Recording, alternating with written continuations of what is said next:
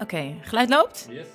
Welkom bij Camera Loopt, waar ik praat met makers van films en series en aan wie ik alles mag gaan vragen. Ik ben Anna Drijver en ik speel in films en series en ik praat er ook heel erg graag over. Eerst even wat, uh, wat nieuws van het front. Er was een uh, symposium in AI naar aanleiding van een enquête onder regisseurs, acteurs en scenaristen. En wat daaruit kwam is dat iedereen eigenlijk gelooft dat het veel beter kan. Men is niet zo tevreden over de Nederlandse producties op dit moment. Interessante materie en meer informatie vind je op filmmakersinitiatief.nl. Nog een grappig nieuwtje. Ik, uh, ik kreeg een berichtje van een Braziliaanse actrice die mijn rol heeft gedubt in Undercover. Dat is natuurlijk wel echt wel heel leuk aan een Netflix-serie. Dat mijn personage straks gewoon in alle talen kan praten. En ik ga dat ook zeker uitchecken als de serie online staat. Dan wil ik even zien hoe ik heel uh, vloeiend al die talen kan praten. Mijn uh, draaidagen voor Airs of the Night zitten er inmiddels op. Benja is er vandaag niet bij, want die staat op dit moment nog op de set daar. Ik mag natuurlijk niks specifieks vertellen, want spoilers. Maar ik wil nog wel even dit obstakel wat we tegenkwamen op de set met jullie delen. We zouden dus gaan filmen in een, uh, in een grot. En drie keer locatiebezoek geweest door de regisseur en alle heads of departments. Dus alle belangrijkste crewleden, zeg maar. En wat bleek een week voor het draaien, er zitten in Letland beschermde vleermuizen in grotten. En die houden dus niet van filmlampen, crew en lawaai in hun grot. Dus bij deze vampieren-serie nota bene moest er opeens een set gebouwd worden binnen no time, omdat ze dus niet in die grotten mochten filmen. En dat gebeurde. Er is een set gebouwd. En wie bouwt dat dan? Wie zorgt ervoor dat alles in beeld er piekfijn uitziet? Juist het art department en de setdressers. Vandaag als uitzondering, niet bij mij thuis, maar in het huis van mijn gast. Welkom setdresser Janneke Marcus. Hallo. Hoi. Uh, leuk, dat, leuk dat ik er ben, zou ik willen zeggen. In, jou, in jouw huis. In mijn huis. Ja. Uh, de reden dat ik bij jou ben is natuurlijk heel erg mooi. Je bent namelijk zwanger. Ja. Wanneer ben je uitgerekend? Uh, 16 maart. dus dat is over twee weken. Ja, we nemen het, het komt natuurlijk niet live uit. Oh, ja. Ja, maar je bent echt... 38 weken. Ja. En een paar dagen. Ja, dus ja, het zou elk moment uh, ja. kunnen gebeuren. Ja, dus het is heel lekker luxe dat jullie hier zijn. Ja, dus, het houdt het heel spannend. Het laatste project uh, voor je zwangerschapsverlof was Baantje het Begin van regisseur Arne Tonen, waarin we teruggaan naar de begintijd van rechercheur De Kok met COCK, gespeeld door Waldemar Torenstra. COCK. Nou, gefeliciteerd. Schrijf ik dat met grote letters.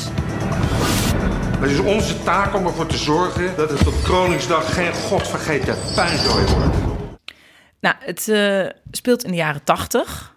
Hoe was dat om jaren 80 sets te maken? Uh, ja, heel leuk. Of dat is dus dan een extra dimensie. Dus toen ik ook gevraagd werd voor de productie, was dat, is dat een van de redenen dat je dan denkt: oh leuk, dat vind ik leuk om te doen. En het was een in verhouding een heel groot art department, omdat het dus jaren tachtig is. Dus dan is het gewoon, daar gaat dan wat meer geld in zitten dan normaal. Omdat alles natuurlijk wat meer, ja, niks is, kun je zomaar voor lief nemen. Niks, geen één set is wat het is. En dus het art department had iedere keer hele grote, mooie, ook heel veel buiten. We moesten de wallen uh, moesten nagebouwd worden. Echt op de wallen draaien was te ingewikkeld, ook omdat er dus te veel shops van nu tussen zitten, souvenirwinkels. Dus we hebben borden die ja. je weg moet poetsen en ja, moet halen. Dus dat was eigenlijk niet te doen. Dus uiteindelijk is er in, uh, ja, ik neem aan dat ik dat allemaal wel kan zeggen. In Leiden is er een soort van de wallen nagebouwd. En ah, echt wel alles. Buiten? Of in de wel studio? buiten. Nee, buiten. Maar dan bijvoorbeeld voor een grote winkelketen. Daar is dan net een. Het was ook de tijd van alle. Uh, heel veel uh, krakers gebeuren. Dus dat werd dan gewoon dichtgetimmerd. dichtgetimmerd Ah. Met graffiti. En heel veel mooie neons. En ja, heel tof. Dus alles is helemaal, ja, tot aan de styling aan toe. Ook de kleding, de make-up. Heel mooi. Jaren toch, maar ook alle auto's. En waar, hoe research jij dan wat je moet hebben en wat je in zo'n uh, politiebureau van de jaren tachtig, wat je daar neer moet zetten? Waar hou je dat dan vandaan? Nou, de grap is dat ik dat natuurlijk niet doe. Of tenminste, dus dat, uh, dus dat is wel vaak wat mensen dan ook denken. Van, dus eigenlijk heb je het hele team. Hier staat trouwens op tafel, maar dat kunnen luisteraars dan niet zien, een gadget. Ja, pak er maar bij. Wat daar dan stond. Uh, want wat eigenlijk, zeg maar, de set wordt aangekleed dus door de production designer, requisiteurs, art directors. En dat waren er zeker best wel veel bij Baantje.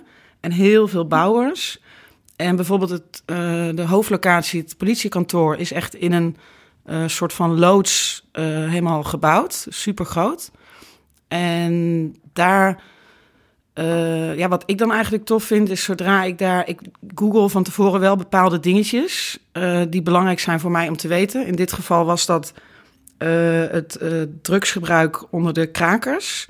En we hadden heel veel scènes met drugs en heroïne. Oh ja. Dus dat ben ik gaan googlen. dat je eigenlijk weet hoe ze dat, of ze dat dan Ja. gaan Chinezen of met ja, en natuurlijk zie ik dat in films, maar ik wilde toch even extra goed weten.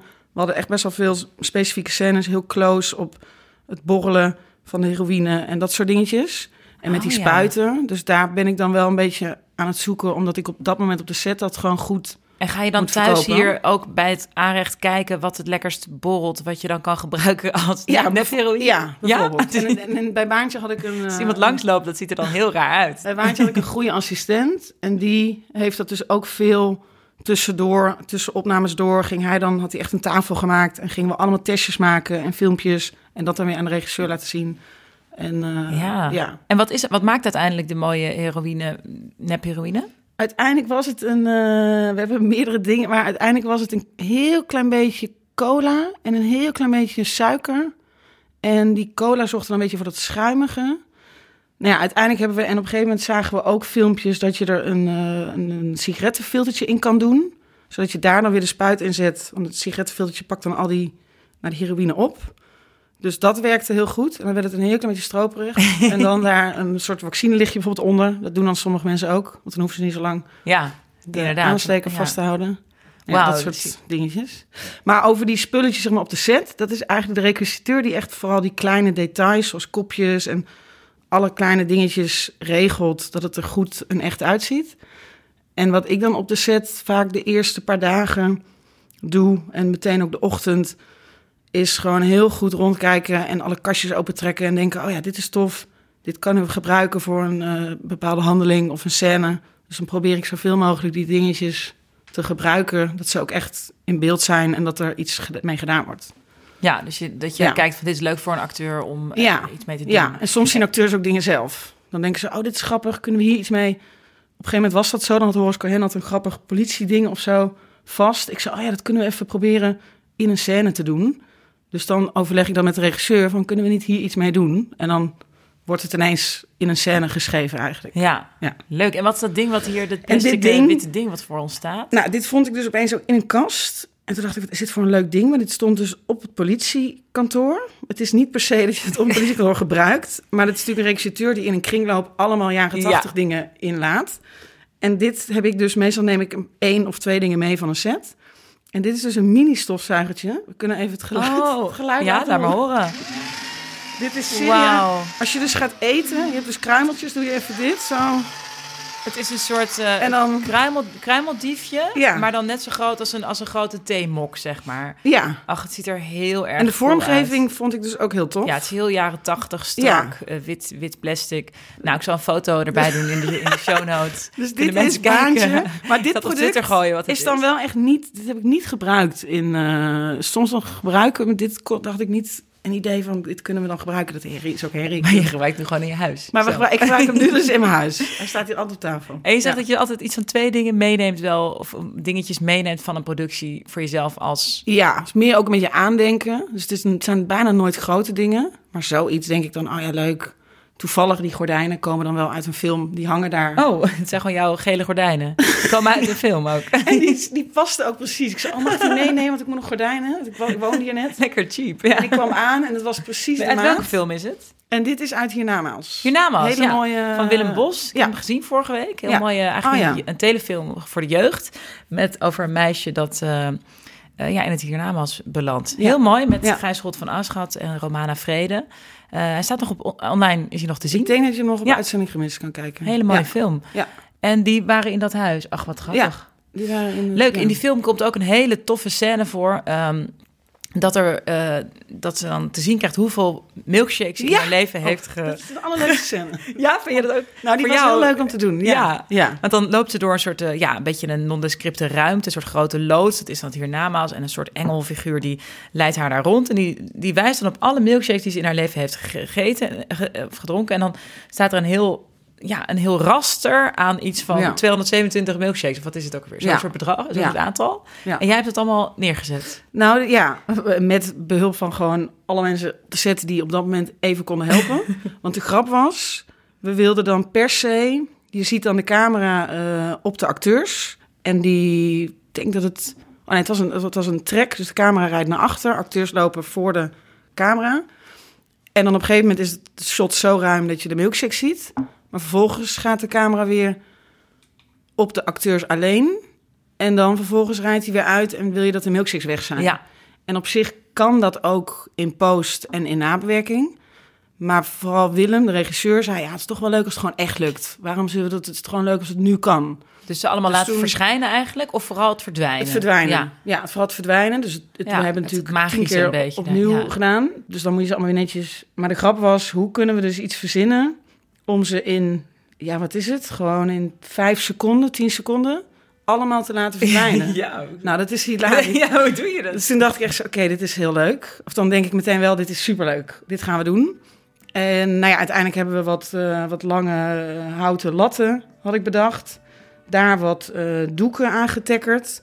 Wat zandzakken van licht. Dus dan ga je wel gewoon overal Bietsen. bietsen, Van- het lichtdepartment gewoon hulp gewoon vragen. En toen hebben we uiteindelijk met heel veel eh, productieassistenten...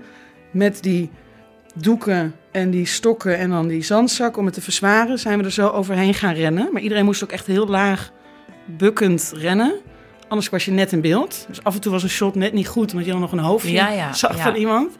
En iedereen gleed eigenlijk, dan rende je gewoon keihard. Ondertussen acteren, de acteurs moeten dan ook gewoon door acteren. Lijkt mij heel lastig.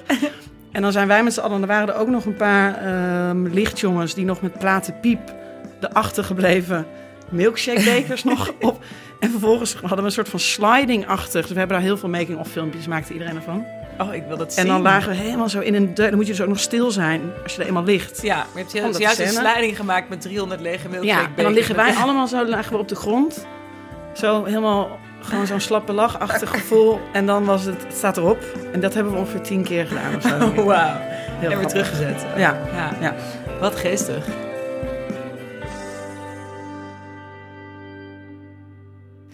En eh, merk je dat acteurs ook wel iets, iets, eh, iets, iets meenemen? Een, een, een, een, eh, een prop of iets waar ze veel mee gespeeld hebben in een film? Mm, ja, Vragen ze dat niet aan jou? Jawel. Nemen ze het gewoon ze- Nee. Ze zijn er vast niet ook meenemen. Maar eigenlijk vragen ze het altijd aan mij. En soms, en ook veel eh, setmensen of crewleden. Ook wel een beetje acteurs. Maar ik zit te denken, niet, het valt nog wel mee hoor. Af en toe zeg ik ook van ja, neem maar mee. Maar ik moet het ook vaak overleggen, want soms komt het uit een opslag van iemand. Ja. Of, eh, Of komt er nog een sequel? ja, precies. ja. Of inderdaad, er komt een vervolg. Of met series komen er vaak vervolg. Dus dan kun je het helemaal niet meenemen. Maar meestal valt het eigenlijk bij de acteurs nog wel mee. Heeft, Ja, heeft Waldemar als, eh, als, als, als in- inspecteur de kok nog iets meegenomen? Ik zit te denken, nou ja, Waldemar die gaat eh, nog door. Dus volgens mij, eh, nee, dat eigenlijk dat die hele locatie, ook bij veel van die sets, die zijn allemaal gewoon intact gebleven. Oké, Het hele politiekantoor is ook nog steeds nu. de optie om door te kunnen gaan. Ja, ja maar we, gaan ook door. Ja, dat Dus mag je ook al... eh, Ja, ja? ja, ja, want het is een serie. Oké, oh. Ja, nee, dat is bekend. Ja, dus wij hebben de film gefilmd en inclusief aflevering 3 en 4.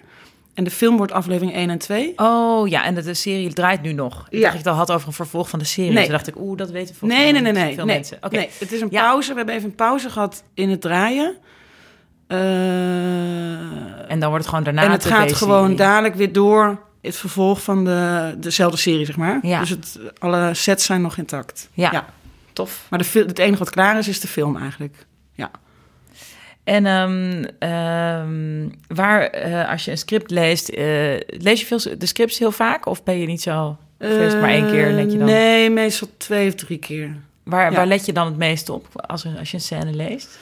Dus de eerste keer lees je gewoon, gewoon snel, normaal, zonder aantekeningen maken. Het is gewoon lekker om dan even te lezen. En daarna is het standaard eigenlijk wat het hele art department doet. Die lezen dan alle, die pikken gewoon alle requisieten eruit en alle situaties. Dat je denkt, oh, we moeten hier iets organiseren of er moet hier een decor komen. Of ehm, er rijdt een auto in het water, moeten we daar iets voor regelen? Dat, nou ja, ik verzin maar iets met gewoon dingetjes. Dus eigenlijk alle en alle props. En waar ik dan persoonlijk op let nog extra, los van een requisiteur. Die let dus alleen maar op, er is een kopje nodig. Want iemand drinkt bijvoorbeeld. Mhm. En ik denk dan meer ook na over eh, wat is de situatie, hoe laat is het, is het ochtend, Eh, wat drinkt diegene dan. Dat vind ik dan al fijn om dan al te bedenken. Ja, En kan ik daar dan dingen bij bedenken? Dus het script geeft een beetje een basis aan. En als setdresser bedenk je er altijd dingetjes bij of ja, specifiek per rol dingen. ja of Van specifiek jij per drinkt rol. echt, jij bent een meisje dat bier drinkt. Of Bijvoorbeeld. juist, of zoiets. ja, dus dan moeten Ja. we zorgen of iemand drinkt jenever. Dan moeten we wel zorgen dat die glaasjes hebben. Ja, En het staat niet altijd in het script, wat ook lekker is. Want dan kun je gewoon zelf bedenken wat een beetje de sfeer moet zijn ja. van zo'n moment. Bijvoorbeeld in de jaren tachtig, als ik dan foto's zie van het, eh, het kraakpand waar ik geboren ben, van mijn ouders vroeger, Ja. dan stond er altijd zo'n pot completa op tafel. Oh ja. Melkpoeder. Ja. Nou, dat zou je nu echt niet meer, zou je echt niet moeten Nee. proberen nu. en maar mijn dat is vrienden zo, hey, wil je een beetje melkpoeder in je, Ja. in je barista koffie? Ik bedoel, dat is nu gewoon Ja. echt, echt uit. Dus ik kan me voorstellen dat je ook dat soort dingen eigenlijk mee wil nemen. Of zo. Dat soort specifieke dingen Ja, die mensen tuurlijk. anders dronken. Dat je dat, of- ja, ja. Nee, dat klopt. En hoe mensen bijvoorbeeld roken. Dat was in eh het baantje natuurlijk ook Oh, ja. veel gerookt. Getver, ja. Dus daar heb ik Oh. ook nog wel onderzoek naar gedaan. Van hoe... Ja, dat was ook... Het Ja, zit- het lijkt me echt vies ook Ja, weer. want je hebt zo'n veel sigaretten, te- maar dat eh, is ook vies. Dus uiteindelijk is het allemaal... Roken mensen toch maar gewoon echt eh, lichte sigaretten? Ve- Veel roken echt, maar sommige ook de kruidensigaretten. Uiteindelijk, ook dat heb ik nog even extra gecheckt, hoe dat nou zat. Maar kruidensigaretten zijn op zich zit geen nicotine in, dus je raakt niet verslaafd. Maar het is uiteindelijk net zo slecht. Het is gewoon rook. Dus het is niet, nou ja, niet net Je zo krijgt slecht, gewoon maar... wel spullen in je longen, Ja, natuurlijk. Ja. ja. Maar over dat roken had ik, daar heb ik dus ook even nog een documentaire over gekeken en wat onderzoek naar gedaan. Welke sigaretten, welke merken vanaf welk moment waren. En of Ja, dan, ja. Ik vond het op een gegeven moment leuk dat één personage hele dunne sigaretjes rookte. Ik dacht, oh, het lijkt me wel leuk. Gewoon zo'n vrouw die dat dan... En dan ging ik even Ja. checken, bestaat het dan wel vanaf 1980? precies. Anders is het net lullig als je iets... eh, Ja. Of misschien ook dat er bepaalde klassen, zeg maar, eh, bepaalde dingen rookten. Ja, dat je juist zeker. check is die en, een check. Ja, Marlboro is meer dat. Of, ja, ja. Ja, reclames, ja. En ehm, wat heerlijk dat we niet meer op een rokerige politiebureau hoeven te werken Ja. nu. Lijkt me echt... Ja, dat, ja, precies. Nee, dus als je er daarover nadenkt, iedereen rookte continu. Dat ik op een gegeven moment ook dacht, is dat nou echt nodig? Is het, was dat wel echt zo erg? Maar ja, het was echt zo erg. ja. Dus het is wel echt dat iedereen... Dus je ziet ook in die serie, iedereen rookt gewoon achter het bureau. En continu hadden we ook de extra rookmachine aanstaan. Oh, om echt dat sfeer En figurant, ik wilde dus ook heel vaak... wilde ook de regisseur dat de figuranten zouden roken. Maar tegenwoordig rookt dus ook bijna niemand meer. en acteurs willen dat dan eigenlijk... Ja, die, die doen dat... Ja, wat dat betreft doen acteurs soms meer dan figuranten. Ja? Want acteurs die roken dan gewoon... Ja, die denken dat moet voor de rol. Weet je, dus over het algemeen, in mijn optiek... doen acteurs en actrices wel alles gewoon voor een rol... om het goed Ja. te maken. Ja. Ook al is het gewoon heel eh, vervelend. Maar figuranten, die hadden natuurlijk ook heel veel. En die moesten ook gewoon roken. Maar dat wilden ze heel vaak niet. Dus het was altijd een gedoe. En dan moest ik altijd weer heel erg zeggen... nee, maar het is echt niet schadelijk. Eh, Nee, smoking, a little smoking never killed anyone. dat zeg jij dan. Met je Nou ja. dus dat was heel grappig. Hoe zwanger was je toen? Ja. Dat je ook dat zo'n zwangere vrouw naar je toe komt. Zo, hier, neem gewoon een peuk. Het is helemaal niet erg, joh. Ja, dat is heel grappig. Ja, Oh. ik vond het Oh, altijd wel geinig. Dus wat we heel vaak deden... Oh ja, dat is ook grappig trouwens. Omdat ik... Nou ja, ik wil nog wel eens soms... Ik, soms moet ik dus een sigaret ook eh, aansteken... om hem aan te geven aan een acteur. Ja, dat klopt. omdat de acteur niet Ja. zelf rookt. En ook dan- omdat jij, hem, ehm, want hè, ik heb ook met jou gewerkt, eh, maar dat je de, dus per take, je begint nooit vaak met een, een verse sigaret. Nee, of tenzij je hem echt in de scène aan, aansteekt, maar altijd Ja. ongeveer half. En dat jij dan Ja, checkt van wanneer gaan we draaien en dat het last minute erbij Ja. komt of zo. ja, want Ja. hij moet natuurlijk altijd precies op dezelfde lengte... iedere take inderdaad op dezelfde lengte zijn. Maar ook omdat het vervelend is voor acteurs... dat, dat snap ik wel, dat je... Zo'n scène doe je twintig keer... En dat je twintig keer een sigaret op moet steken. Dus het scheelt je gewoon twintig hijsen als je niet die eerste hijs moet doen. Dus wat ik meestal doe, is ik geef een brandende sigaret. Maar omdat ik nu dus ook echt totaal niet één hijs wil nemen... dacht ik, ja, hoe ga ik dat nou doen? Dus toen vroeg ik op een gegeven moment aan de set van... oh, kan jij hem even... Maar niemand rookte op de set. Ik stond toevallig op een set waarbij niemand rookte. Oh, wauw. Ja. Ja, dat was heel bizar. Dus eh, toen dacht ik, ja, hoe ga ik dit nou doen? Toen heb ik dus echt een supergoed ding gefixt, vond ik zelf. Toen vond ik in mijn auto een spuit. En toen heb ik daar het kopje afgeknipt, zodat de opening wat groter was. Precies dat hij in de filter pakte, paste. En dan kon ik hem gewoon in een vaccinelichtje zo trekken. en dan had ik dus een sigaretten Oh, bedacht. Maar je hebt het van een injectienaald als. Als Ja, een, grote oh, ja, injectienaald. Echt een flinke. En die liet je elke keer de eerste hijs nemen. Ja, heel dan hoeft goed. hij het zelf niet te doen. Ik denk dat je, En had je je, ook kind je later dankbaar is voor deze uitvinding. Dus ik heb nooit een hijs hoeven nemen. Ja, ja. Dat was wel Wauw, ja. Ehm, nee, ja, het zijn natuurlijk wel grappige dingen. Wij hebben ook, eh, je hebt Zwarte Tulp ook gedaan, de Videoland-serie, waar, eh, waar ik ook in heb gespeeld, twee seizoenen. En dan moet jij bijvoorbeeld ook maar weer een Zwarte Tulp elke keer weer... eh, Oh, die zwarte t- dat was zo'n gedoe. Ja, wat, moet zeggen, Nou, dat die voelt hele weer lang de hele geleden. serie, Ja, die concept draait. om dat Ja. we zwarte tulp maken. Ja. Dat is kennelijk in de, in de, in de Ja. bloemen, in de telerswereld, dat is een hele kweest, ook in het echt. Als je dat echt krijgt, dan ben je echt miljonair. Zit heel China, zit er dan bovenop.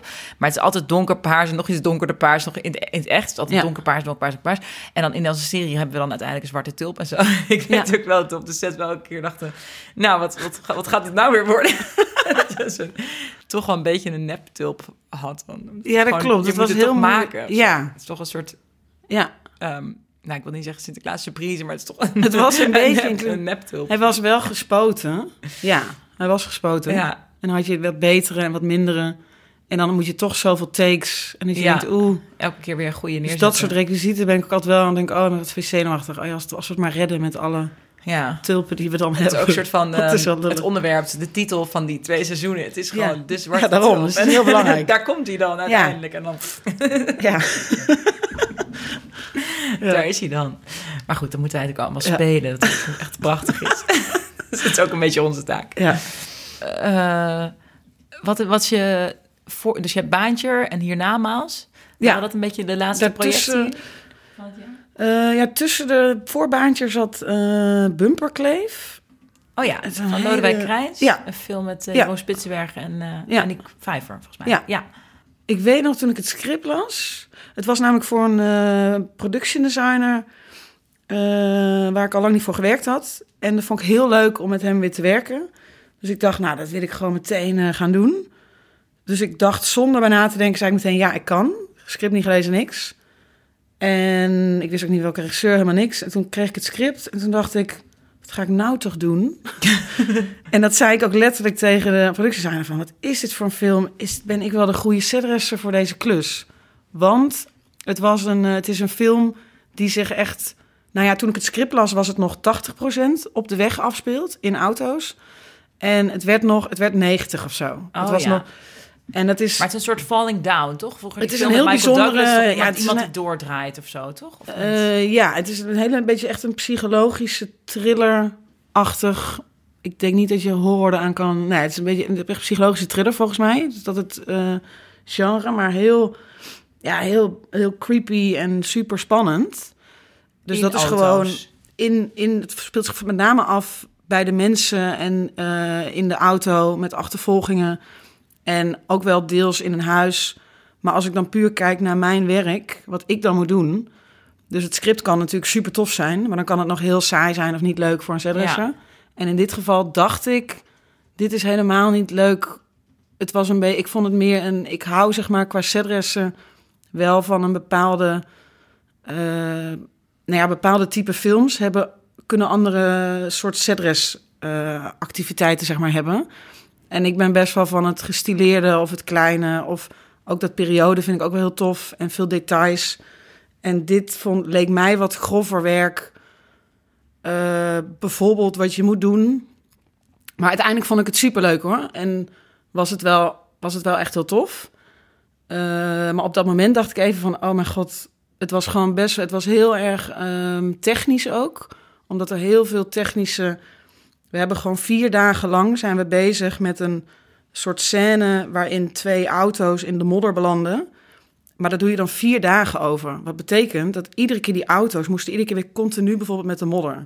Dus dan ben ik gewoon heel druk met bepaalde modder. Bepaalde modderspetters. Ja, maar gewoon dat soort dingen. Dus dat, dit kwam heel veel voor in de film. Dus bepaalde... Ja, ja. Dus dat is heel anders dressen. Modderspetters, bloedspetters of zo. Ja, ook dat. Eh, ja, dus dat soort dingen. En bijvoorbeeld bepaalde moddersporen in een berm.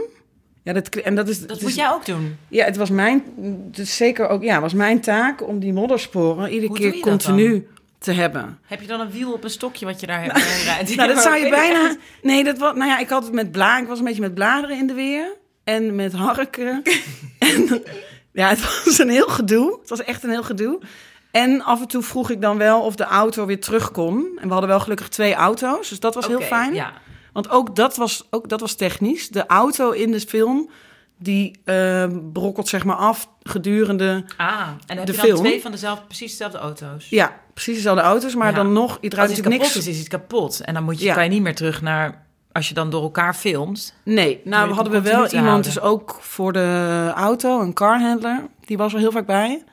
En, maar dan nog, wij hadden bijvoorbeeld ook eh, krasjes ge- eh, met een kwastje geschilderd op de auto. Oh, dat ja. het dus krassen zijn. Die moesten erop, eraf, erop, eraf. Dat soort Oh, dingen. Ja. Dus dan was ik daar druk mee. En bijvoorbeeld gaffer tape op de auto eraf. Omdat die, nou, omdat natuurlijk niks gewoon logisch is. Ja. Dus dat was best wel iedere keer dat het gewoon precies klopt. En had je ook wel eens vlak voor een take dat eigenlijk iedereen eh, dat het bijna naar draaien toe gaat dat je denkt "Ah, de gaffer tape moet nog anders of dat je dat soort momenten had van oh de krassen zijn of, is het allemaal goed gegaan met het? Eh, ja, nou het meest... Eén puntje wat ik soms vervelend vond was... we hadden best wel op een gegeven moment op Moment Supreme... dat we heel veel met die auto's gingen draaien... begon het, hadden we, van, hadden we zo'n dag met regen... dat je van die keiharde buien hebt... en dan is het weer zon. Zo'n Oh, dag. ja. Dat is eigenlijk het meest irritante. dag, Ja, ja. kansloze dag. Ja, En daar was ik heel... Ik zat heel tijd oké, we moeten extra easy-ups hebben. En die tenten die je dan over de auto's kan zetten. Dus dan was ik, had, stond de auto onder de tent. Was ik hem helemaal aan het dressen dat het allemaal klopte. Droog aan het maken, want hij moest droog zijn. Het kan niet ineens nat zijn, want het regent niet in de film. ja. Dus gewoon een droge auto met die krasjes en al die dingetjes erop. En dan vervolgens gingen we draaien en dan ging het halverwege toch weer keihard regenen. En dan hoor je over de porto, hoor je dan de opnameleider... Janneke, je auto moet weer even droog. En op een gegeven moment ben ik gewoon over die porto hard gaan lachen. Omdat het gewoon, ja, je zou, dat het is wel een verhaal waar je bij moet zijn dan. Maar dat het, het, het was gewoon een hele grote set in de zin van lange afstanden. ja. Overal. Dus jij staat ergens een paar honderd En ik meter sta verderop. ergens en dan heb ik een tasje met allemaal droogspullen en dingen. En dan moet die auto voor de honderdste keer droog. Nou ja, en op een gegeven moment wist ik het niet meer. En toen zat ik zo, ja, eh, dan moet ik daarheen. En we waren op de weg aan het draaien, niks was afgezet. Of het was een beetje chaos. Dus dat waren van die chaosdagen met regen Ja. en tijdens een bui wordt jou dan gevraagd mag de auto Ja, even droog? ja, dan moet ook tijd regenen eigenlijk gewoon. En dan, dan moet die auto moest droog. Ja, dat kan gewoon. Nee, dat zijn wel echt dingen dat ik denk, oh...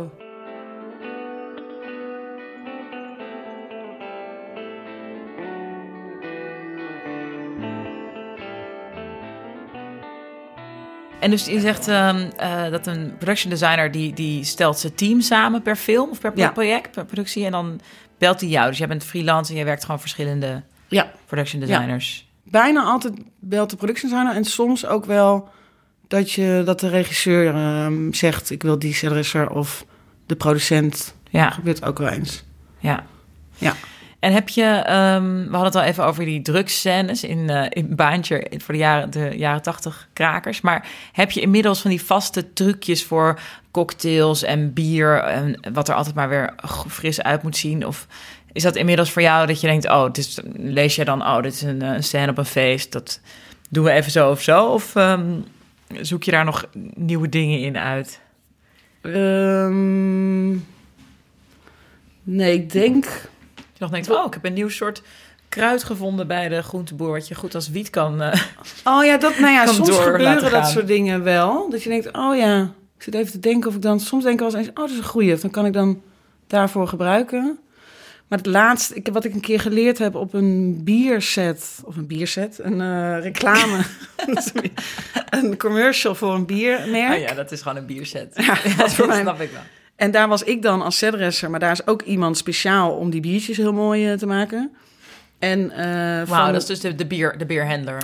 ja, De bierhandler. nou Of hoe, ja, de, misschien dat zo Of iemand. is het een food ja, misschien een stylist? foodstylist, dat denk ik. Randje hoor. Randje, randje. Randje foodstylist. Maar dat is een hele grappige man, ook echt.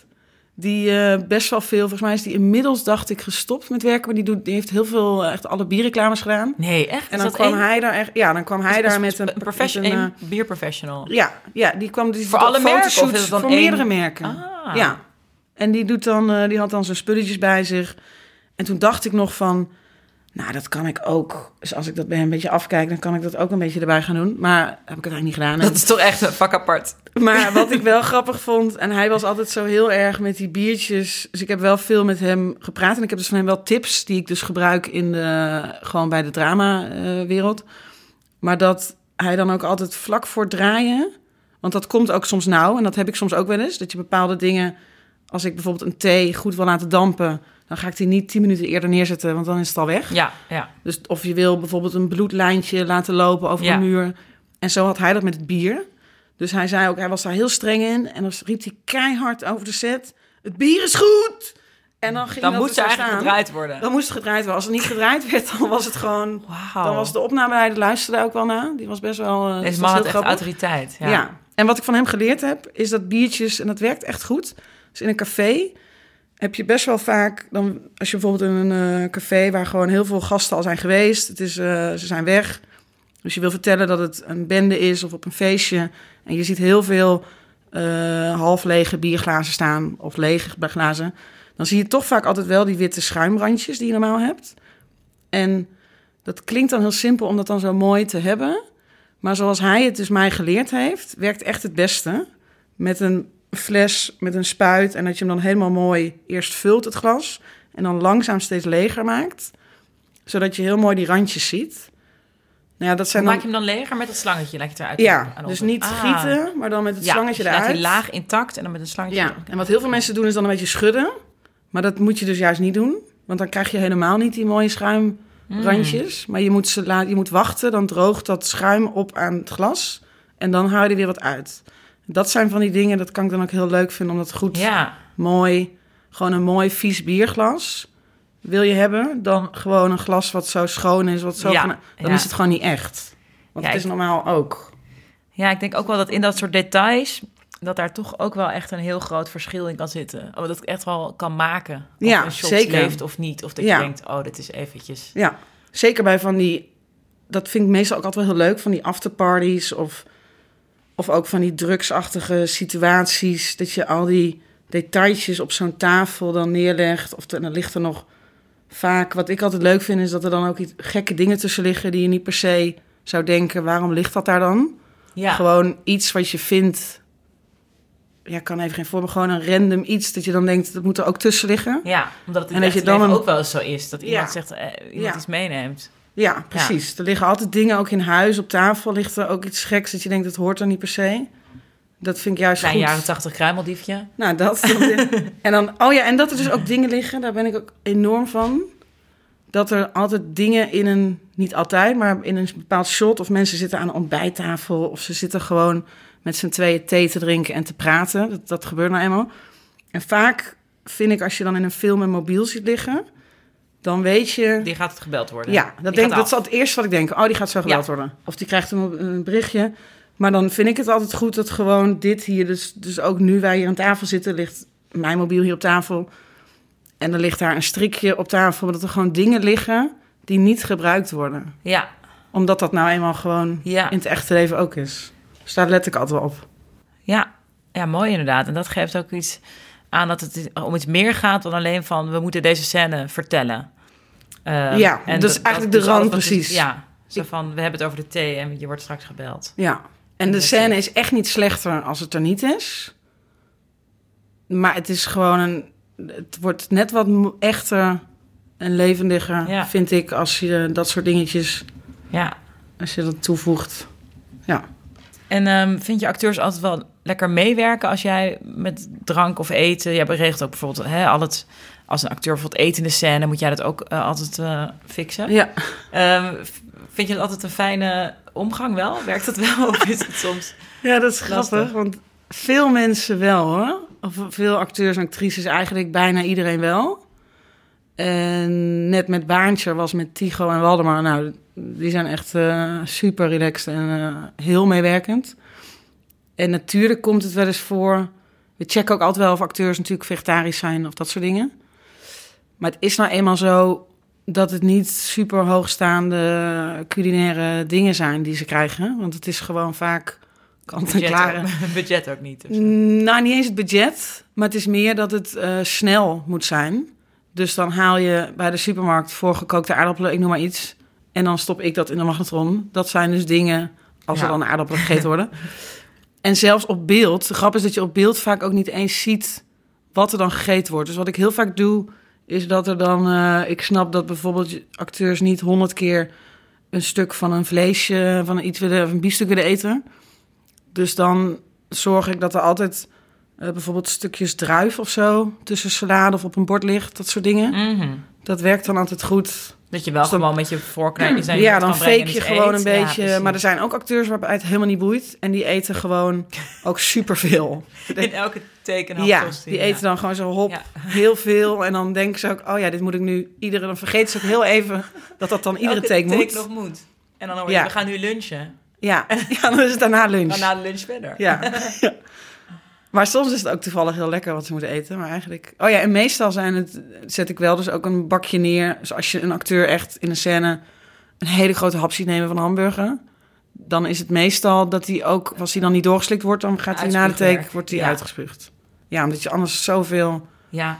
Dus als ik wel eens ook een scène zie in een Amerikaanse film of zo... dat iemand dan heel veel eet, dan denk ik altijd... oh, zouden ze dat dan doen? Of ja, dat bedoel ik... wel goed als hij. Ik denk altijd Ja. lekker. Als iemand lekker zit te eten, dat krijg Ja. je niet zo vaak. Ook, ook omdat iemand het al een uur, al een paar uur zit te doen. Ja, En het niet, ja, eh, is, het, is het fijn als iemand sma- smaakvol zit te Ja. eten. vaak vermijden acteurs het dus wel. Valt Ja, op. zeker. Ik, dan heb, heb je een Ik etentje. speel dat ik net een hap heb genomen en dat ik eh, dan even iets ga zeggen. Maar doe dan- jij dat dan ook? Ja, Ja, ik, dan ik, wel. ik- ja ik, ik deel dat wel in. Net dat ik niet ehm, eh, de hele tijd wijn wil gaan drinken in een shot. Ja. Maar dat je dan dus denkt, nou, ik neem aan het begin een shot. Ook om de continuïteit makkelijk Ja. te houden. En dan, Ja. hè, dan kijk ik de eerste keer hoe het gaat. denk oké, na dat woord komt het uiteindelijk Komt dus bij de repetitie goed uit. En dan, maar de hele Ja. tijd een beetje met een glas wapperen, dat, ja, dat kan ook. Je hoeft Ja. niet de hele tijd te, te drinken natuurlijk. Nee, dat klopt. Want die, die dubbel fris, of wat, je, wat jullie dan ook gebruiken. Tegenwoordig heb je wel... Nou, ik gebruik vaak tegenwoordig... Omdat dus inderdaad... Merk ik dat acteurs het niet heel lekker vinden. Die Nee, echt een soort zoet, zure Nee, tandaanval krijgen. Ja, maar, wat, Ja, nou, maar dan moet je de volgende keer aan de eens vragen. Dat, dat gebruik ik namelijk. Het is of eh, bij rode wijn meestal alcoholvrij rode wijn. Die is dan net wat lekkerder dan druivensap. Oh, nou. Dat heb je gewoon. Is Ja. iets duurder. Maar dat moet wel bij de meeste producties wel lukken. En eh, witte wijn doe ik altijd appelsap met water. Is veel minder Oh, zoet. ja. Want dan heb Ja. je echt maar weinig appelsap nodig. Ja. En voor whisky bijvoorbeeld doe ik helemaal geen appelsap. Dus hadden- ijsthee of zo? we hadden een keer voor, eh, voor, voor Daan Schuurmans in, ehm, hoe heet het? Heer en Meester. Heermeester, ja. Drinkt Die hij- film hij drinkt heel oh, veel. serie, ja. Dus Serie film. en een film. Ja, hij drinkt heel veel whisky. Eh, dus toen heb ik op een gegeven moment de thee van gemaakt. En dat vond hij ook heel relaxed en prettig. Dan denk ik, ja, ik snap het ook wel. Je bent de hele tijd dat plakkerige. Ja, ja. Dus dan kun je gewoon thee. van de ja. appelsap dan, En ja. thee is natuurlijk gewoon eh, niks. Ja. Dus dat is prima om te drinken. Lachen zeg. Ehm, wanneer ben jij echt heel blij met een take? Vroeg ik me nog af. Dat je echt zo zit bij de monitor Oh, van... ja. Yes, dit ging goed. Nou, soms gewoon, eh, soms als je ehm, voor sommige films heb je meer tijd en dan kan je heel mooi dingen binnen. Dan is er gewoon een vast plaatje en dat je dat dan aan het resten bent. Dan kan ik wel eens heel blij zijn als ik het dan zie. Maar ook, bij hiernamaals of zo. Wat waren dan echt die, die shots waar je echt heel blij mee was? ja, daar hadden we een heel leuk shot gedaan. Wat volgens mij, ik heb hem dus pas één keer gezien. En volgens mij zat het shot dus niet in de film. Dat is heel grappig. Ja, dat is heel grappig. Maar het was echt een heel cool shot. Maar toen dacht ik, hé, waar is dat shot? Wat is het? Misschien heb ik het gezien. Dat was, is het shot alsof het de scène dat zij, eh, dus reed ik in het begin, dat zij doodgaat en dan aankomt eh, bij het hiernamaals en dan hebben ze dat gesprek aan tafel. En dan ja, vertelt hij van waar ze je ja een beetje de good place moest ik aan denken. Ja, ja. En daar hadden we een, daar wilde gewoon camera, hadden we een moeilijke techniek. En dus dan moesten we met decor, moesten we dingen optillen en weer terugzetten in een bepaald shot. Wat heel nauw kwam. En dat is heel tof als dat dan lukt. Dus tijdens de take, take sta jij iets op te tillen en op een bepaald moment weer terugzetten ja, op een en moesten we dingen ook bouwen op een bepaalde manier dat het dan zou lukken. Nou ja, dat is dan een voorbeeld. Maar toen twijfelde ik in de film, zit het er nou in? Maar goed, het, uh, ik kan me die scène wel nog herinneren, maar ik weet Ja. niet welke shot je bedoelt. Maar meestal is het dus ook fijn als iets gelukt is. Je hebt gewoon best wel vaak als setdresser ook dat je ehm, dat er zogenaamd special effect-achtige dingen gebeuren. Maar dan, er is, dan is er niet een heel special effect team. Misschien in Amerika wel. Maar hier ben je dan gewoon als setdresser, moet je het gewoon fixen. En dan komt er bijvoorbeeld iets... eh, dan komt er een stuk... Dan komt er gewoon iets naar beneden vallen, ik noem maar wat. Dat, het dus, dat er best wel veel van afhangt van het shot dat dat goed gaat. Dat moet dan precies op een bepaalde plek komen. Of een fles wijn. Of, eh, dat zijn dan dingetjes... Vind ik dan ook altijd heel leuk om te doen. Ja. Of, Heb je altijd ehm, genoeg van iets? Als, als iets kapot moet, moet eh, of als iets vies wordt, heb je, heb je wel eens gehad dat het op was? Dat je tegen de regisseur moest zeggen, we kunnen niet nog een take doen, want... Ja, eigenlijk heb je dat dus best wel vaak. Dat je Oh. dus, nou, nou, dat niet, maar dat je, dat je zeg maar, je krijgt een, aan, een x-aantal van de regisseur die het regelt. En ik zeg heel vaak van, hè, zorg dat je genoeg hebt, want dan heb ik het relaxte op de set. Dan kan, hoef ik me daar geen zorgen om te maken. Maar sommige dingen zijn natuurlijk duur, dus die heb je dan niet superveel. En dan wil het nog wel eens dat, je, dat de regisseur er ook geen rekening mee houdt. En dat ik denk, oh, we moeten wel echt een beetje oppassen. Dus dan ben ik een beetje aan het improviseren om het nog... eh, dan ben ik iets aan het bedenken van hoe kan ik dit dan nog verdubbelen. Dus dan heb je dan wel een beetje stress over. Maar meestal overleg ik wel van, oké, we kunnen nu nog dat zoveel doen. Of, Ja. ja. ja. Daarna is het gewoon klaar. ja, dan Ja. is het klaar. Maar vaak worden dingen wel half nog hergebruikt. Ik zit te denken of ik dan een voorbeeld heb. En dat je niet echt ziet dat het al... Dat Dan, het eh, al geloof je het is, wel. Of dan, ja, Ja, ja, Dan kort je daar doorheen. Ja.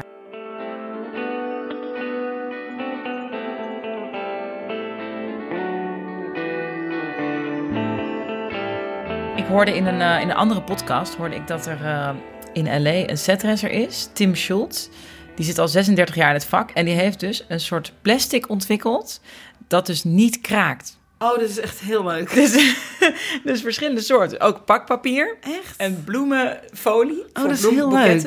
Dus dat je in LA dus ehm, ja, op filmsets gewoon heel speciaal ontwikkeld eh, zakjes en plastic Ja. kan hebben, zodat je gewoon nog ehm, een scène kan spelen. Heb je daar al van gehoord? Of, eh, Nee, nee. Maar dit vind ik hilarisch, want het is altijd Ja. een ding. Het is altijd een ding met geluidsmannen van, oh, Ja. zakjes. En Is dat is, eh, geluid? Is dat het grootste, eh, zeg maar jouw grootste, nou ja, samenwerking? Nee, Of oh. is licht ook wel? Of met welk department zit jij het vaakst Meer met camera overleggen? eigenlijk.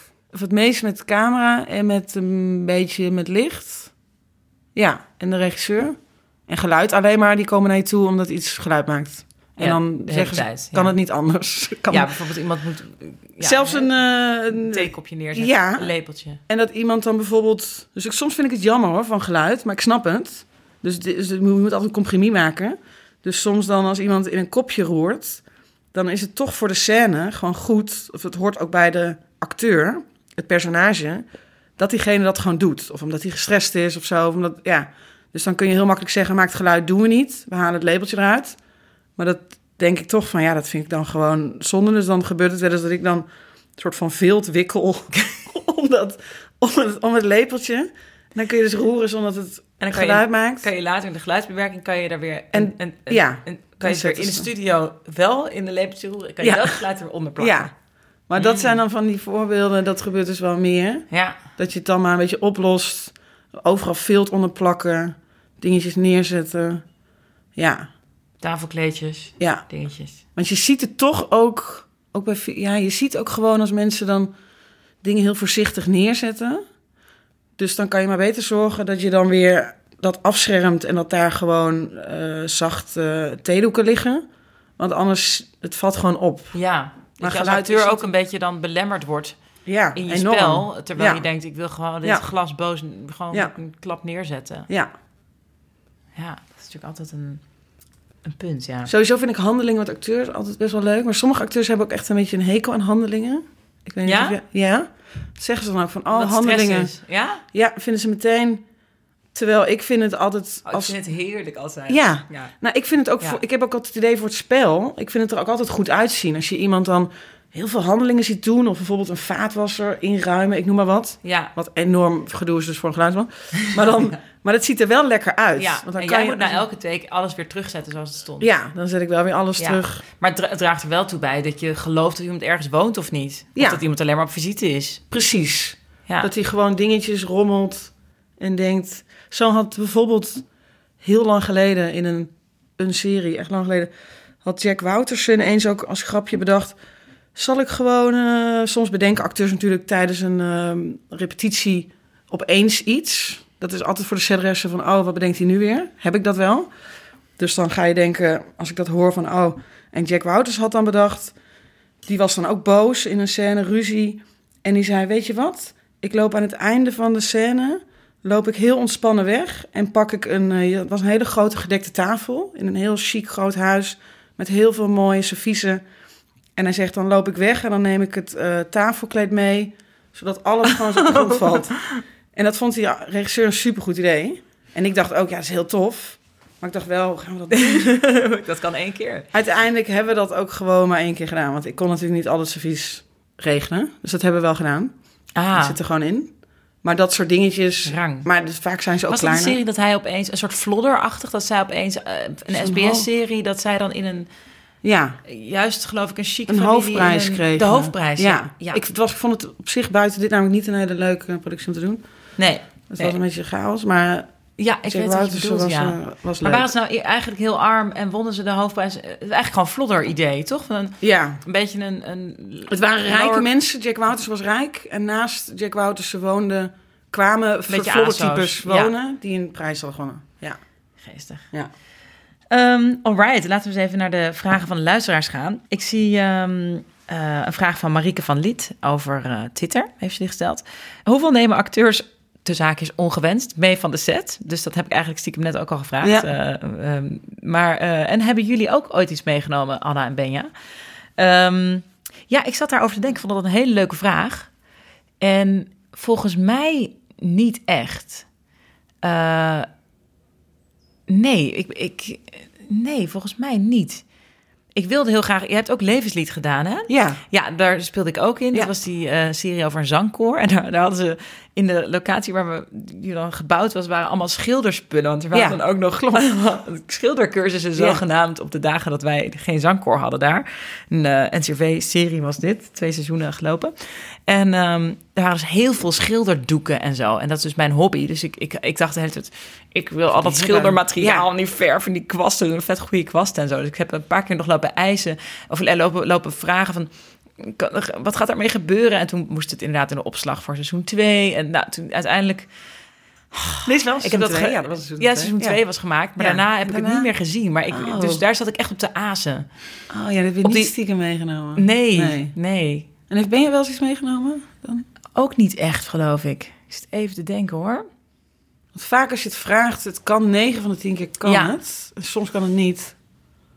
Ehm, Ja. Niet, niet echt dingen die een prominente plek in ons huis hebben, in ieder geval. Nee.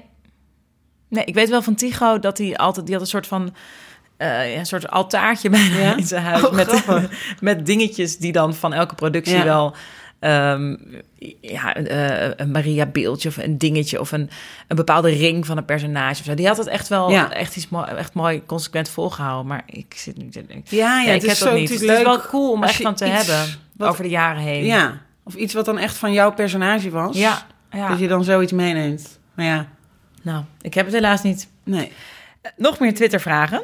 Eh, Olivier van Kuijen, dankjewel dat je weer eh eh, ruimschoots eh, vragen hebt gesteld. Eh, waar begint setdressing en waar eindigt production design? Zijn er ooit conflicten over bepaalde keuzes van de setdresser die niet stroken met de visie van de production designer? Oh ja, dat is ook echt een goede vraag. Of ik bedoel, ja, dat vind ik wel. Ja. Nee, maar dat is een goede, want... eh, nou, dus in, meestal... Het hangt een beetje ook van de production designer af.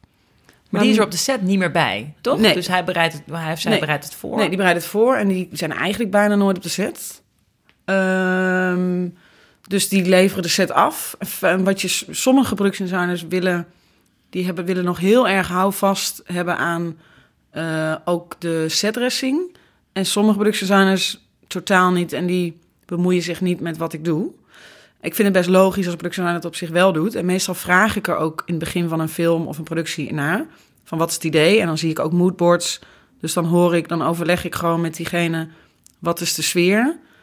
Zodat ik weet... Ik moet natuurlijk wel weten wat een bepaald karakter... wat voor sfeer het is in huis. En de, dus de productiedesigner kleedt bijvoorbeeld een huis aan...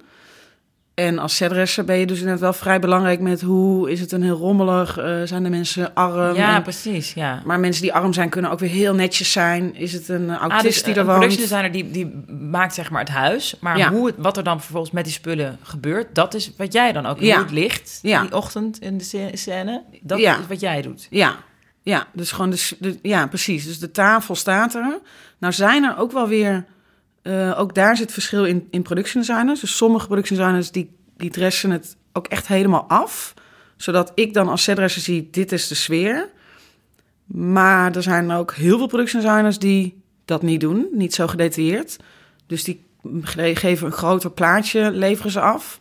En dan ben ik echt degene die het invult. En ik ga me dan ook een beetje meer verdiepen in de personages die er wonen. Ja, En ehm, en wat het die scène... dus op die vraag beantwoorden van waar houdt het dan op? Eh, dat is dus ook een beetje aan de productiedesigner. En ik pak gewoon de vrijheid die ik dan krijg. En heb je wel eens gehad dat je daarover niet op één lijn zat? Dat iemand zei, hè, hoe heb je dat, waarom heb je dat zo gedaan? Ja, heel soms of zo, dat ik ook een productiedesigner iets minder goed snap of zo. Dat gebeurt dan heel soms wel eens. Dat ik denk, wat, wat wil die dan? Of wat, eh, wat voor sfeer? En, maar meestal niet echt een conflict. Het gebeurt nog wel eens dat... ehm, dus je hebt een scène gedraaid... en vaak kan je dan de avond zelf of de dag erna... eh, kan de productiedesigner nog wat, wat, wat rustjes zien. Eh, dus wat beelden van die dag. Dus dan kijken ze beelden van die dag... en dan wil het wel eens gebeuren dat ze de dag erna... de productiedesigner naar me toe komt van... dat eh, iets wat beetje opviel. bijsturen of zo. Ja, maar dat is zelden. Maar dat gebeurt wel eens. Van wat, wat je daarna hebt gedaan eh, is heel raar. Dan weet ik even. Ja, iets geks wat ik iets neer heb gezet. Of dat er iets qua kleur niet klopt. Meestal over- overleg je wel kleuren. Oh ja. Dat doe je. Ja, dus je hebt een ik- soort kleurenpalet krijg je mee. Ja, je- en soms is een regisseur daar ook heel... Je hebt ook regisseurs die heel beeldend zijn. Dus dan eh, van tevoren... eh, dat is dan overlegd of dan zegt de regisseur ook echt tegen mij... van ik wil eigenlijk nooit die kleuren in beeld. Dus dan let ik daar mee op. En dan zorg ik gewoon, ook in het straatbeeld... Ik heb wel eens gehad dat een regisseur... die wilde geen rood, gewoon niks, nooit. Dat was nou eenmaal... Het is- nergens rood. Dat is best wel een ding. Want dan moet je gewoon altijd... Nou ja, dan heb je wel wat meer werk. Maar dus Ja. ook buiten het straatbeeld ben je altijd gewoon alleen maar dat aan het doen. Of Ja. mee bezig. Ja, En, inderdaad. ehm, dus dat kan ook een En regisseur dat aan het- bedenken. Aan het oplossen. Ja, Wauw. ja. Ehm, nog een vraag. Hoe bepaal je welke locatie een heel uitgesproken uiterlijk heeft en welke een wat meer neutrale? Bepaalt de regisseur dat of heeft de production designer daar heel veel vrijheid? Het is eigenlijk ook een beetje wat je net zei. Als de regisseur denkt eh, een kleur niet wil of wel, maar Eh, dus vooraf al bedacht. Dus als de regisseur en de DOP en de production designer zijn eigenlijk de eerste drie, ja, die komen bij elkaar. En zij bedenken dan al wel de stijl van de film. Dan vervolgens vult de production designer dus, dus de, met, vaak met moodboards en tekeningen de sets in. Dus dat is al eh, ja, bepaald. En aan de hand van de locatie of het wel of niet veel wordt aangepast. En de Is ene regisseur laat het misschien meer over aan de production designer. Maar is het meer zo dat een, een regisseur altijd iets kan afkeuren, maar een production designer eh, dan dingen mag voorstellen, zeg maar? Of, of kan een production ook, designer ook zeggen: nee, maar het moet, Ja, het moet rood?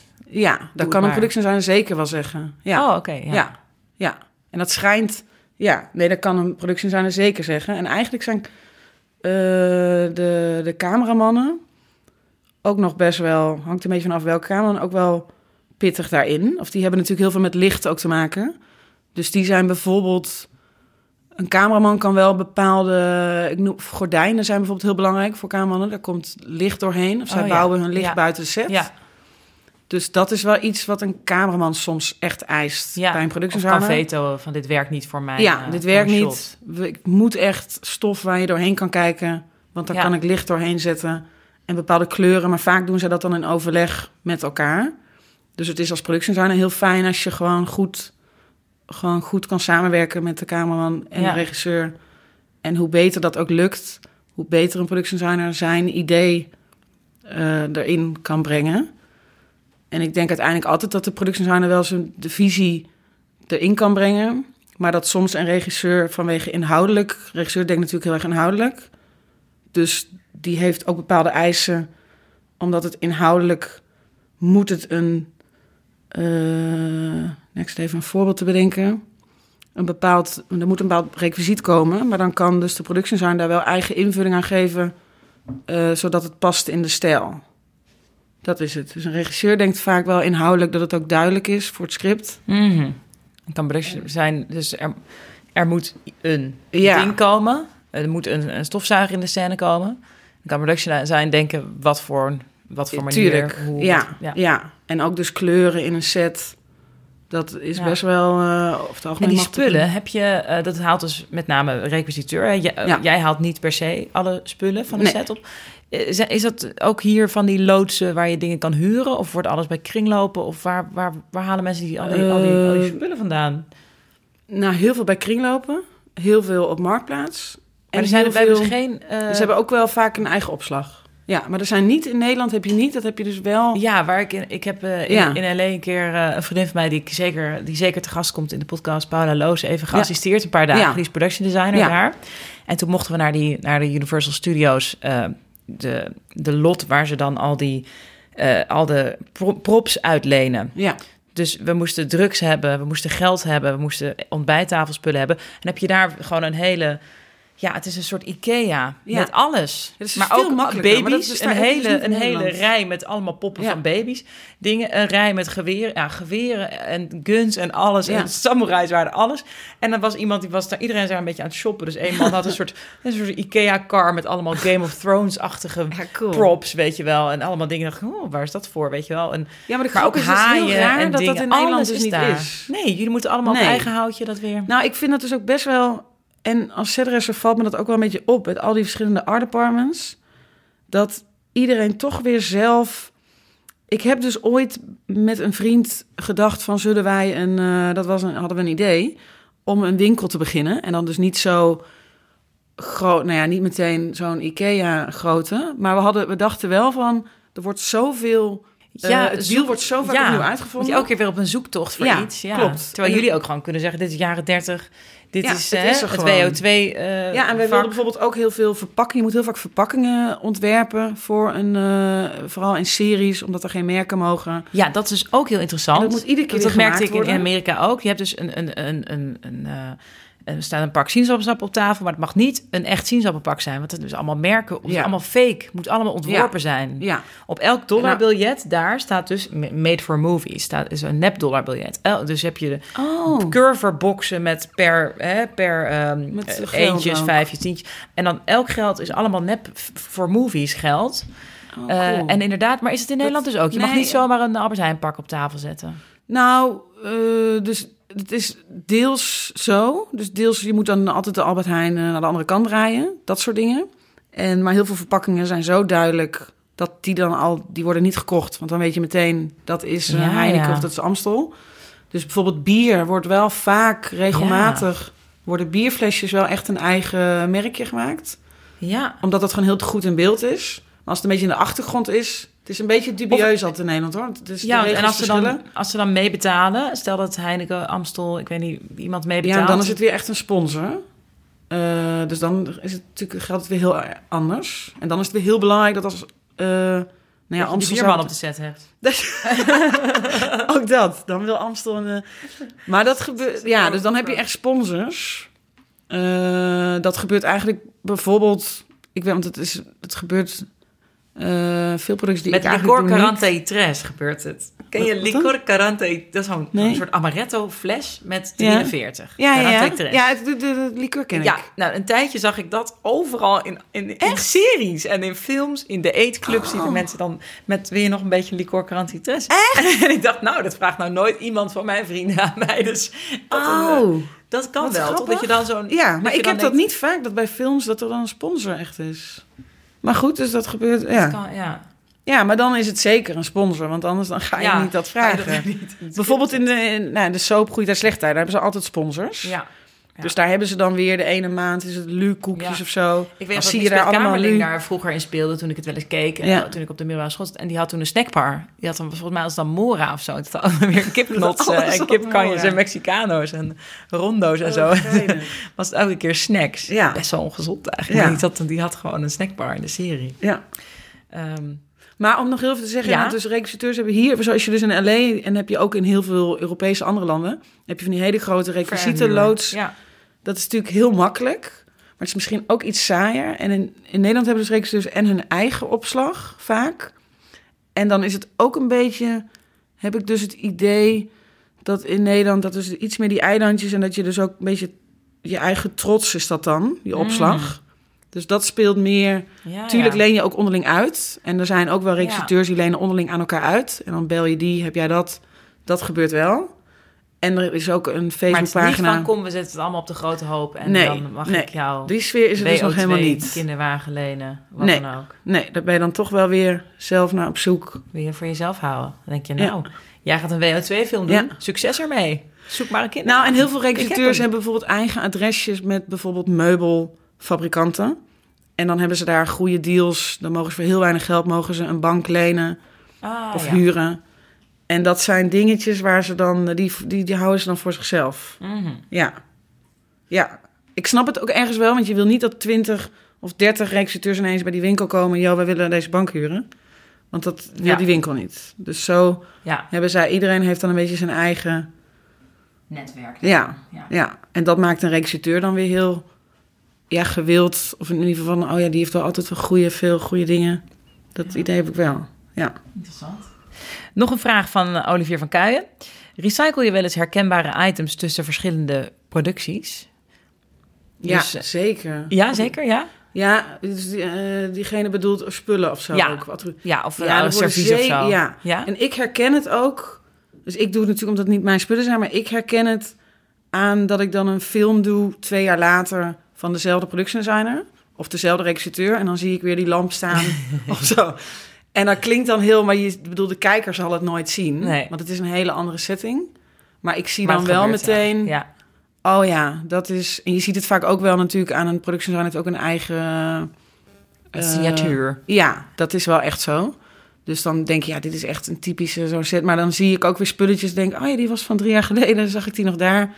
En dan is het weer, voelt een soort van, vind ik dan vertrouwelijk voelen. Dat ik dan producten zie Ja. van een paar jaar terug. Dus dat gebeurt zeker. Ja. Hoe anders is het ontwerpproces voor een production designer tussen een boekverfilming en een origineel script? Maar dat geldt eigenlijk ook voor jou. Als je al, als het al op een bestaand eh, iets, een boek of iets eh, gebaseerd is, Ja. hoe is het dan met je, je fantasie voor een bepaalde scène of een set of een locatie? Heb je, veel, heb je wel boekverfilmingen gedaan? Zit ik even denken diner ja. toevallig. Dat is dan Oh ja, het diner. Ja, ja, Herman Koch, het Daar boek. moet ik dan nu aan en denken. Menno Meijens, eh, de film. Ja. En Oh, heel veel eten. Dat is voor jou wel Ja, echt een Dat was interessante een enorme kluif. eetding. Pun intended. Ja, ehm, want het gaat echt om, die, om het eten ook onge- zo ongeveer. Ja.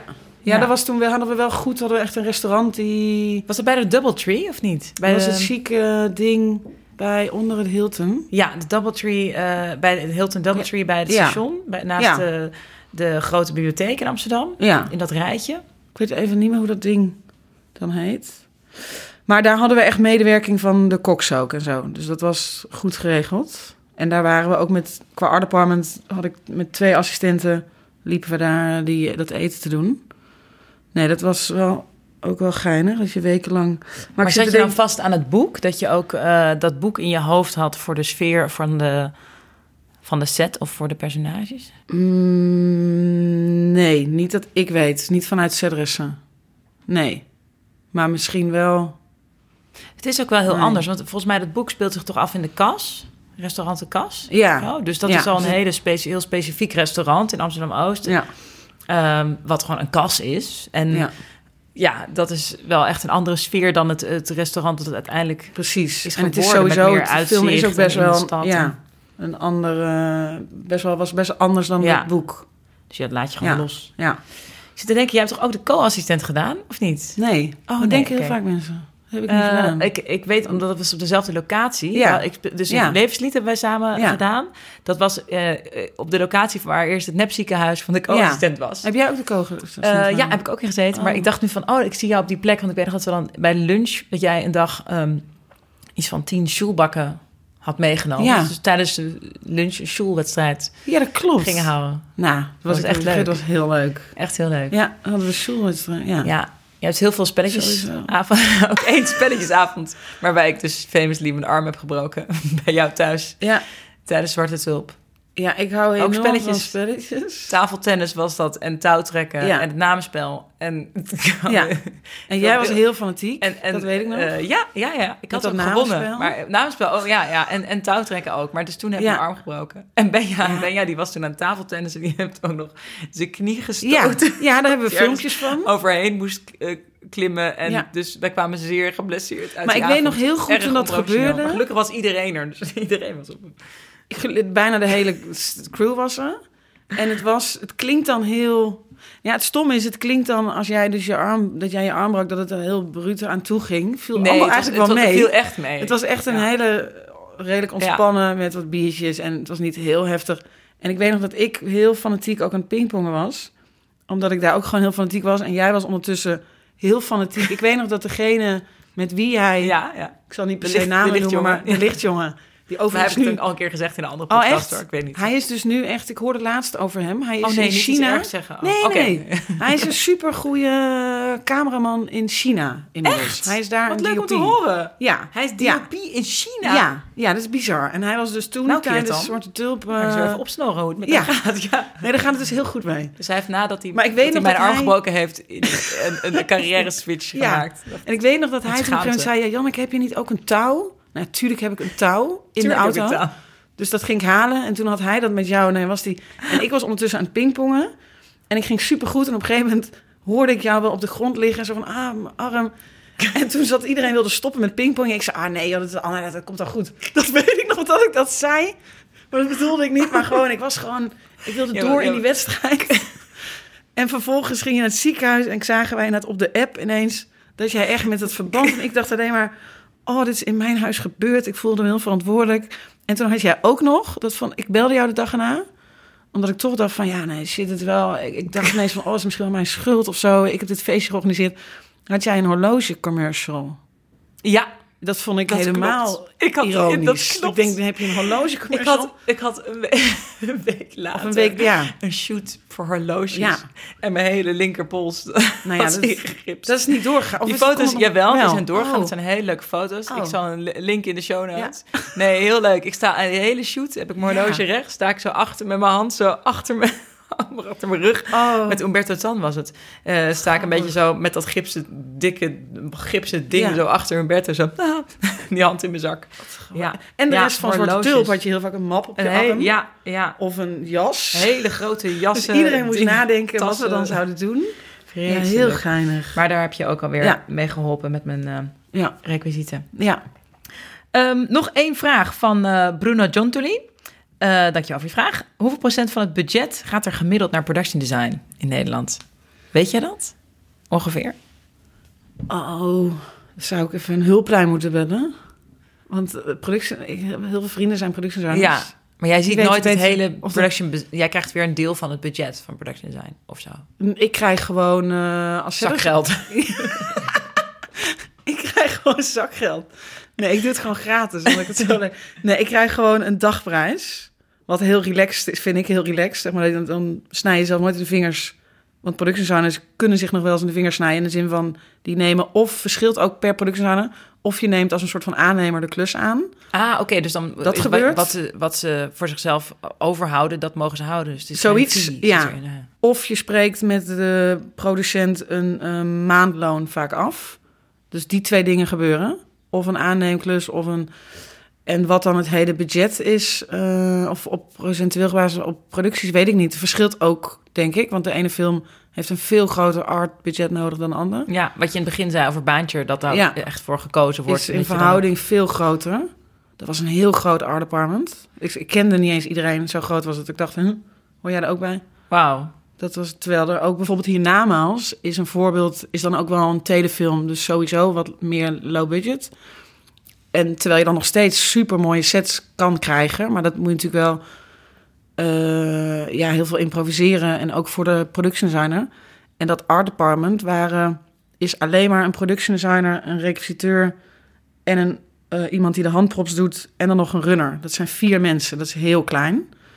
En die hebben prachtige sets geleverd. Maar Mm. een baantje was, ik denk, nou ja, los van schilders ook nog, decormannen, 25, 30. Nee. 25 man? Ja, zeker. We hadden een etentje. Jeetje. En dat was niet eens iedereen. 25, 30 man. Die- Jeetje. Ja, die zeker wel hebben meegeholpen allemaal, ja. Wauw zeg. Maar budget is niet, klinkt niet als jouw grootste eh eh, stoeimiddel. Ik bedoel, waar je, niet waar je het meeste gevecht mee hoeft te leveren. Budget, of wel? Eh, Wat- je bedoelt... Waar je tegenaan loopt. Als je denkt van, hè, ik zou wel dit willen bieden, maar dat heb ik niet kunnen kopen, want ik heb dit. Eh, dat hebben production designers zeker wel, ja. Oh wel. Jawel, ja. Dus die hebben een bepaald budget en daar moeten ze het voor doen. En die willen nog wel eens... Het is natuurlijk heel lastig om daar dan... Het is dus ook, ja, je moet dan wel eh, ja, goed nadenken wat wel en wat niet kan. En sommige locaties moeten er bijvoorbeeld worden afgekeurd... omdat het dan omdat er te veel aangepast moet worden... Mm. om het bruikbaar te maken voor de film. Dus als het dan te veel budget gaat kosten... overleg je dat met de producent en regisseur... en dan wordt er gezocht naar een andere locatie. Dat Ja. gebeurt wel eens. Te gek. Oké, we gaan naar Wat kijk jij nu? Nou, Janneke, wat zijn de series of films die jij hebt eh, eh, verslonden of hebt gezien de laatste weken, Eh. laatste tijd in je verlof? In mijn verlof? Nou ja, ik heb, een, eh, ik heb van mijn vriend in mijn verlof een eh cinefiel pas gekregen. Heel goed, heel goed. Dus ik ben heel vaak naar de movies gegaan. Dat vind ik een fijne bioscoop. En eh, mijn allerlaatste film toevallig was afgelopen vrijdag. Toen wilde ik op de valreep, dacht ik, maar hij draait nog wel. Maar dan wel in een beetje gekke tijden en in kleine zalen.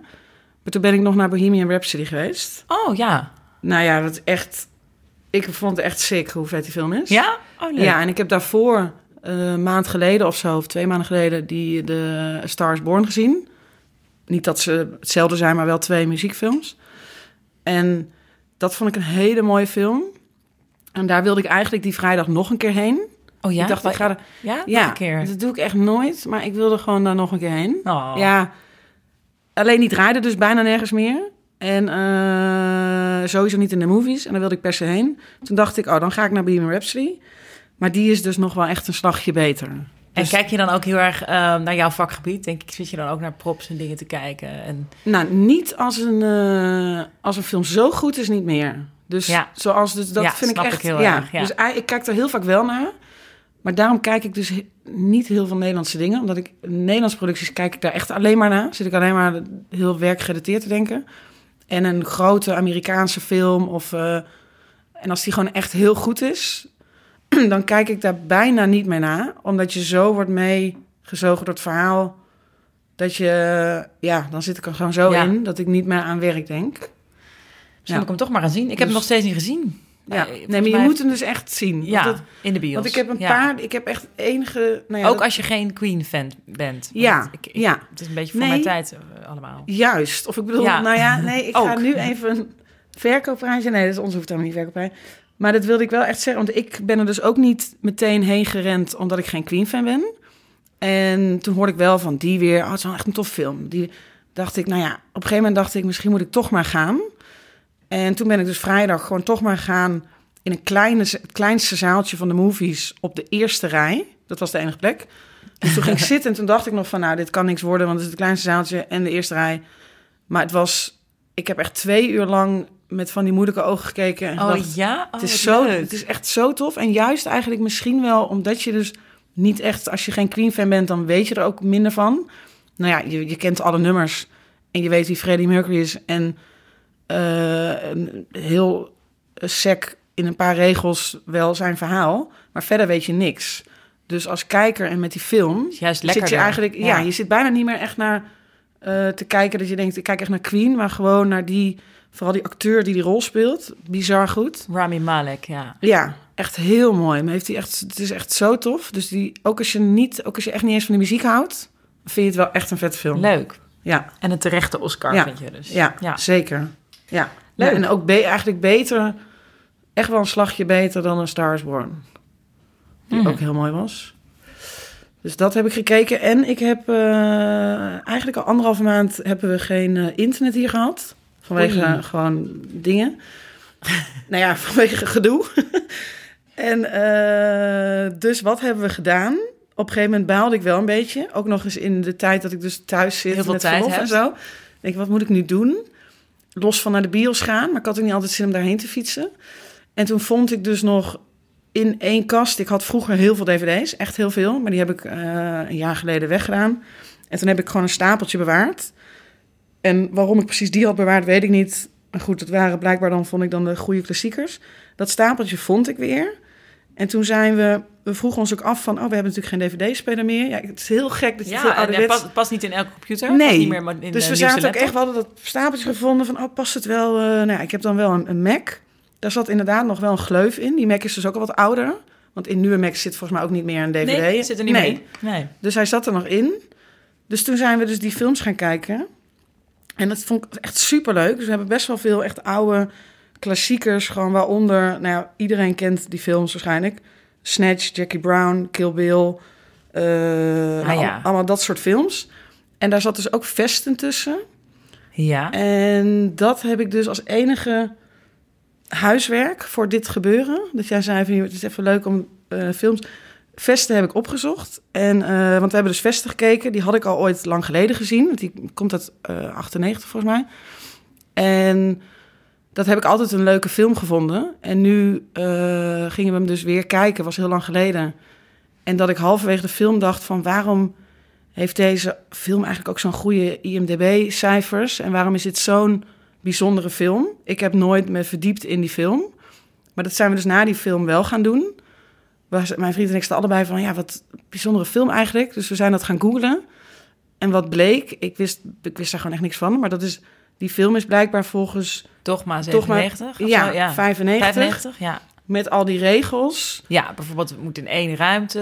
eh, En ik vond het zo bijzonder. Ja, ja. dat is dus blijkbaar een, een, een soort van regel, vakbond iets... wat ze in eh, Denemarken hebben opgericht. En dan als je dus je film voldoet aan die tien regels... dan, eh, ja, dan heb je dus een dogma 95. En dat is super ingewikkeld. Omdat je dan dus zelfs... Dus er mogen geen requisieten gekocht worden. Er, mogen geen, eh, er mag geen licht geplaatst worden. Als het requisiet niet op de locatie aanwezig is... moet je ergens anders maar gaan draaien, waar het wel is. Dus ik vond het zo cool dat je dan nog, Ja, ja. ondanks alles handheld... Er is dus niks, dus eigenlijk mijn heel vak is ook gewoon weg. Er is gewoon heel veel niet. En dat je dan toch gewoon anderhalf uur een supercoole film... Ja, ja. en Ja, dat een regisseur inderdaad. dan ook, eh, die zegt dan, die moet dan een eed van zuiverheid, eh, legt hij dan bij die, bij de, op dat moment dan af. En dan zegt hij ook, eh, alle esthetiek is er af en ik wil niet ehm, mijn creativiteit eraan toepassen, maar puur het verhaal en de acteurs moeten het werk doen. En dat is het. Dat vond ik gewoon heel tof. ja. Ik denk, dat is gewoon wel echt Ja. gewoon kikker als je dat bedenkt. ja. En terwijl. Ja, Lars, van Trier en eh, Thomas Winterberg en nog een Ja. paar regisseurs komen echt uit die stroming. Op het symposium vorige week eh, in AI was toevallig een Deense eh, man van de Deense film, een, een bepaalde vereniging, niet een filmproducenten ding, maar een soort vereniging. En die vertelde hoe dat inderdaad ontstond. En de film zat eigenlijk helemaal in het slop. Er gingen mensen helemaal niet naar Deense films en er was gewoon eigenlijk niet zoveel waardering voor. En toen hebben ze echt bedacht, nee, we moeten iets doen. Er zijn een paar gekke, gekke filmmakers, die hebben gekke ideeën. Maar we gaan die gekken nu de kansen geven. En gewoon daar geld, we gaan zeggen, is dit je idee? Prima, ga maar maken. En daar kwam dit Dogma-project Oh. ook uit. Ja, Wat eigenlijk heeft gezorgd En- voor een hele nieuwe stroming. En in één keer ging iedereen naar deze films. Gingen mensen buiten Ja. Denemarken naar deze Ja. films. En werd het in één keer wat. Dus hij had Het is in één keer een- cool ook gewoon. Die dat je dan... een ehm, ja. pleidooi voor, geef gewoon, geloof de, de gekken. Kijk naar de gekken. eh, Oh, de crazy, the ja. crazy people. ja, tof. Ja. Ah, dat is heel leuk. Ja. Goeie, en Vesten Ja. herkijken. Nou, waarom niet? Ja. Nou, en de dag erna ging, zaten we bijvoorbeeld Kill Bill te kijken. Wat het tegenovergestelde is. ja, dat is echt film maken met alles. En daar is over alles nagedacht. Ja, en Ja. over ieder detail, wat ik ook heel tof vind. Ik vond Kill Bill 1 vind ik ook echt super, super gaaf. En dat is zo, dat is nou echt alles, alles is esthetisch en alles is, ieder kleurtje, niks is per Ja. toeval. En ook echt het, natuurlijk- het film, het, het, het make-believe en allemaal het maken voor dat ene shot. En Ja. die, die Ja. dogma gaat over, Ja. zoals theater, bijna gewoon het gebeurt ja, hier. precies. En ja. we filmen het toevallig. ja, waarschijnlijk ook heel weinig takes of zo. Of bijna eh, alles, Ja. eh, dat, zal, ja, totaal anders. En Kill Bill zal, eh, nou ja, dat is heel tof, ja. Leuk, dvd's dus. Dus dvd's, dat zijn mijn tips. Dat mag, dat mag gewoon. Oh, dvd's? Nee, ja, de klassiekers weer herkijken. Ja. Leuk, ik ben, eh, ik ben begonnen aan 10%. Dat is een hele leuke Franse serie over een agentschap voor acteurs. Iemand had het Benja aangeraden en zei, ja, het gaat over agenten. En toen eh, ging ik het met Benja kijken en toen kwam er dus iemand eh, binnen in de tweede, derde scène van... en die zei dus, ja, nee, ik ben zijn agent. En toen begreep Benja pas dat het niet politieagenten was, maar Ja. agent. Dus je dacht, serie over agenten. Hij dacht, nou, zal wel, politie-serie. Maar het gaat over agenten van acteurs. Ja. Eh, het is niet, geen gloednieuwe serie. Hij is er echt al, ehm, eh, echt al een tijdje. Maar heel erg leuk. Ik ben net begonnen, maar ik zou dat wel absoluut aanraden. Ook op Netflix. eh, maar je moet ze wel gewoon Frans laten praten. Ik zou ze niet in een andere taal doen. Maar dat kan je natuurlijk ook doen op Netflix. Um, 10%. Heel erg leuk. Kijken. Oké. Dankjewel, Janneke. Dit was het. Ja, Ja. dit was het. Nee. Dank je. Was dit het? Vond je het leuk? Ik vond het leuk. Ja. Dankjewel voor je tijd en, Ja. eh, en eh, je gastvrijheid. En heel veel geluk de komende tijd. En jullie bedankt voor het luisteren. Voor vragen over, eh, over mijn gasten of over de podcast kan je me vinden op Twitter, Anna drijver. Of op de Facebookpagina van Camera Loopt. Of op Instagram. Ik dank mijn producer Volkert Koelhoorn en Dag en Nacht Media. Abonneer je op de podcast en eh, luister terug wat je nog niet geluisterd had op eh, Spotify, iTunes of waar je dan ook luistert. Tot de volgende keer. En we zijn gestopt.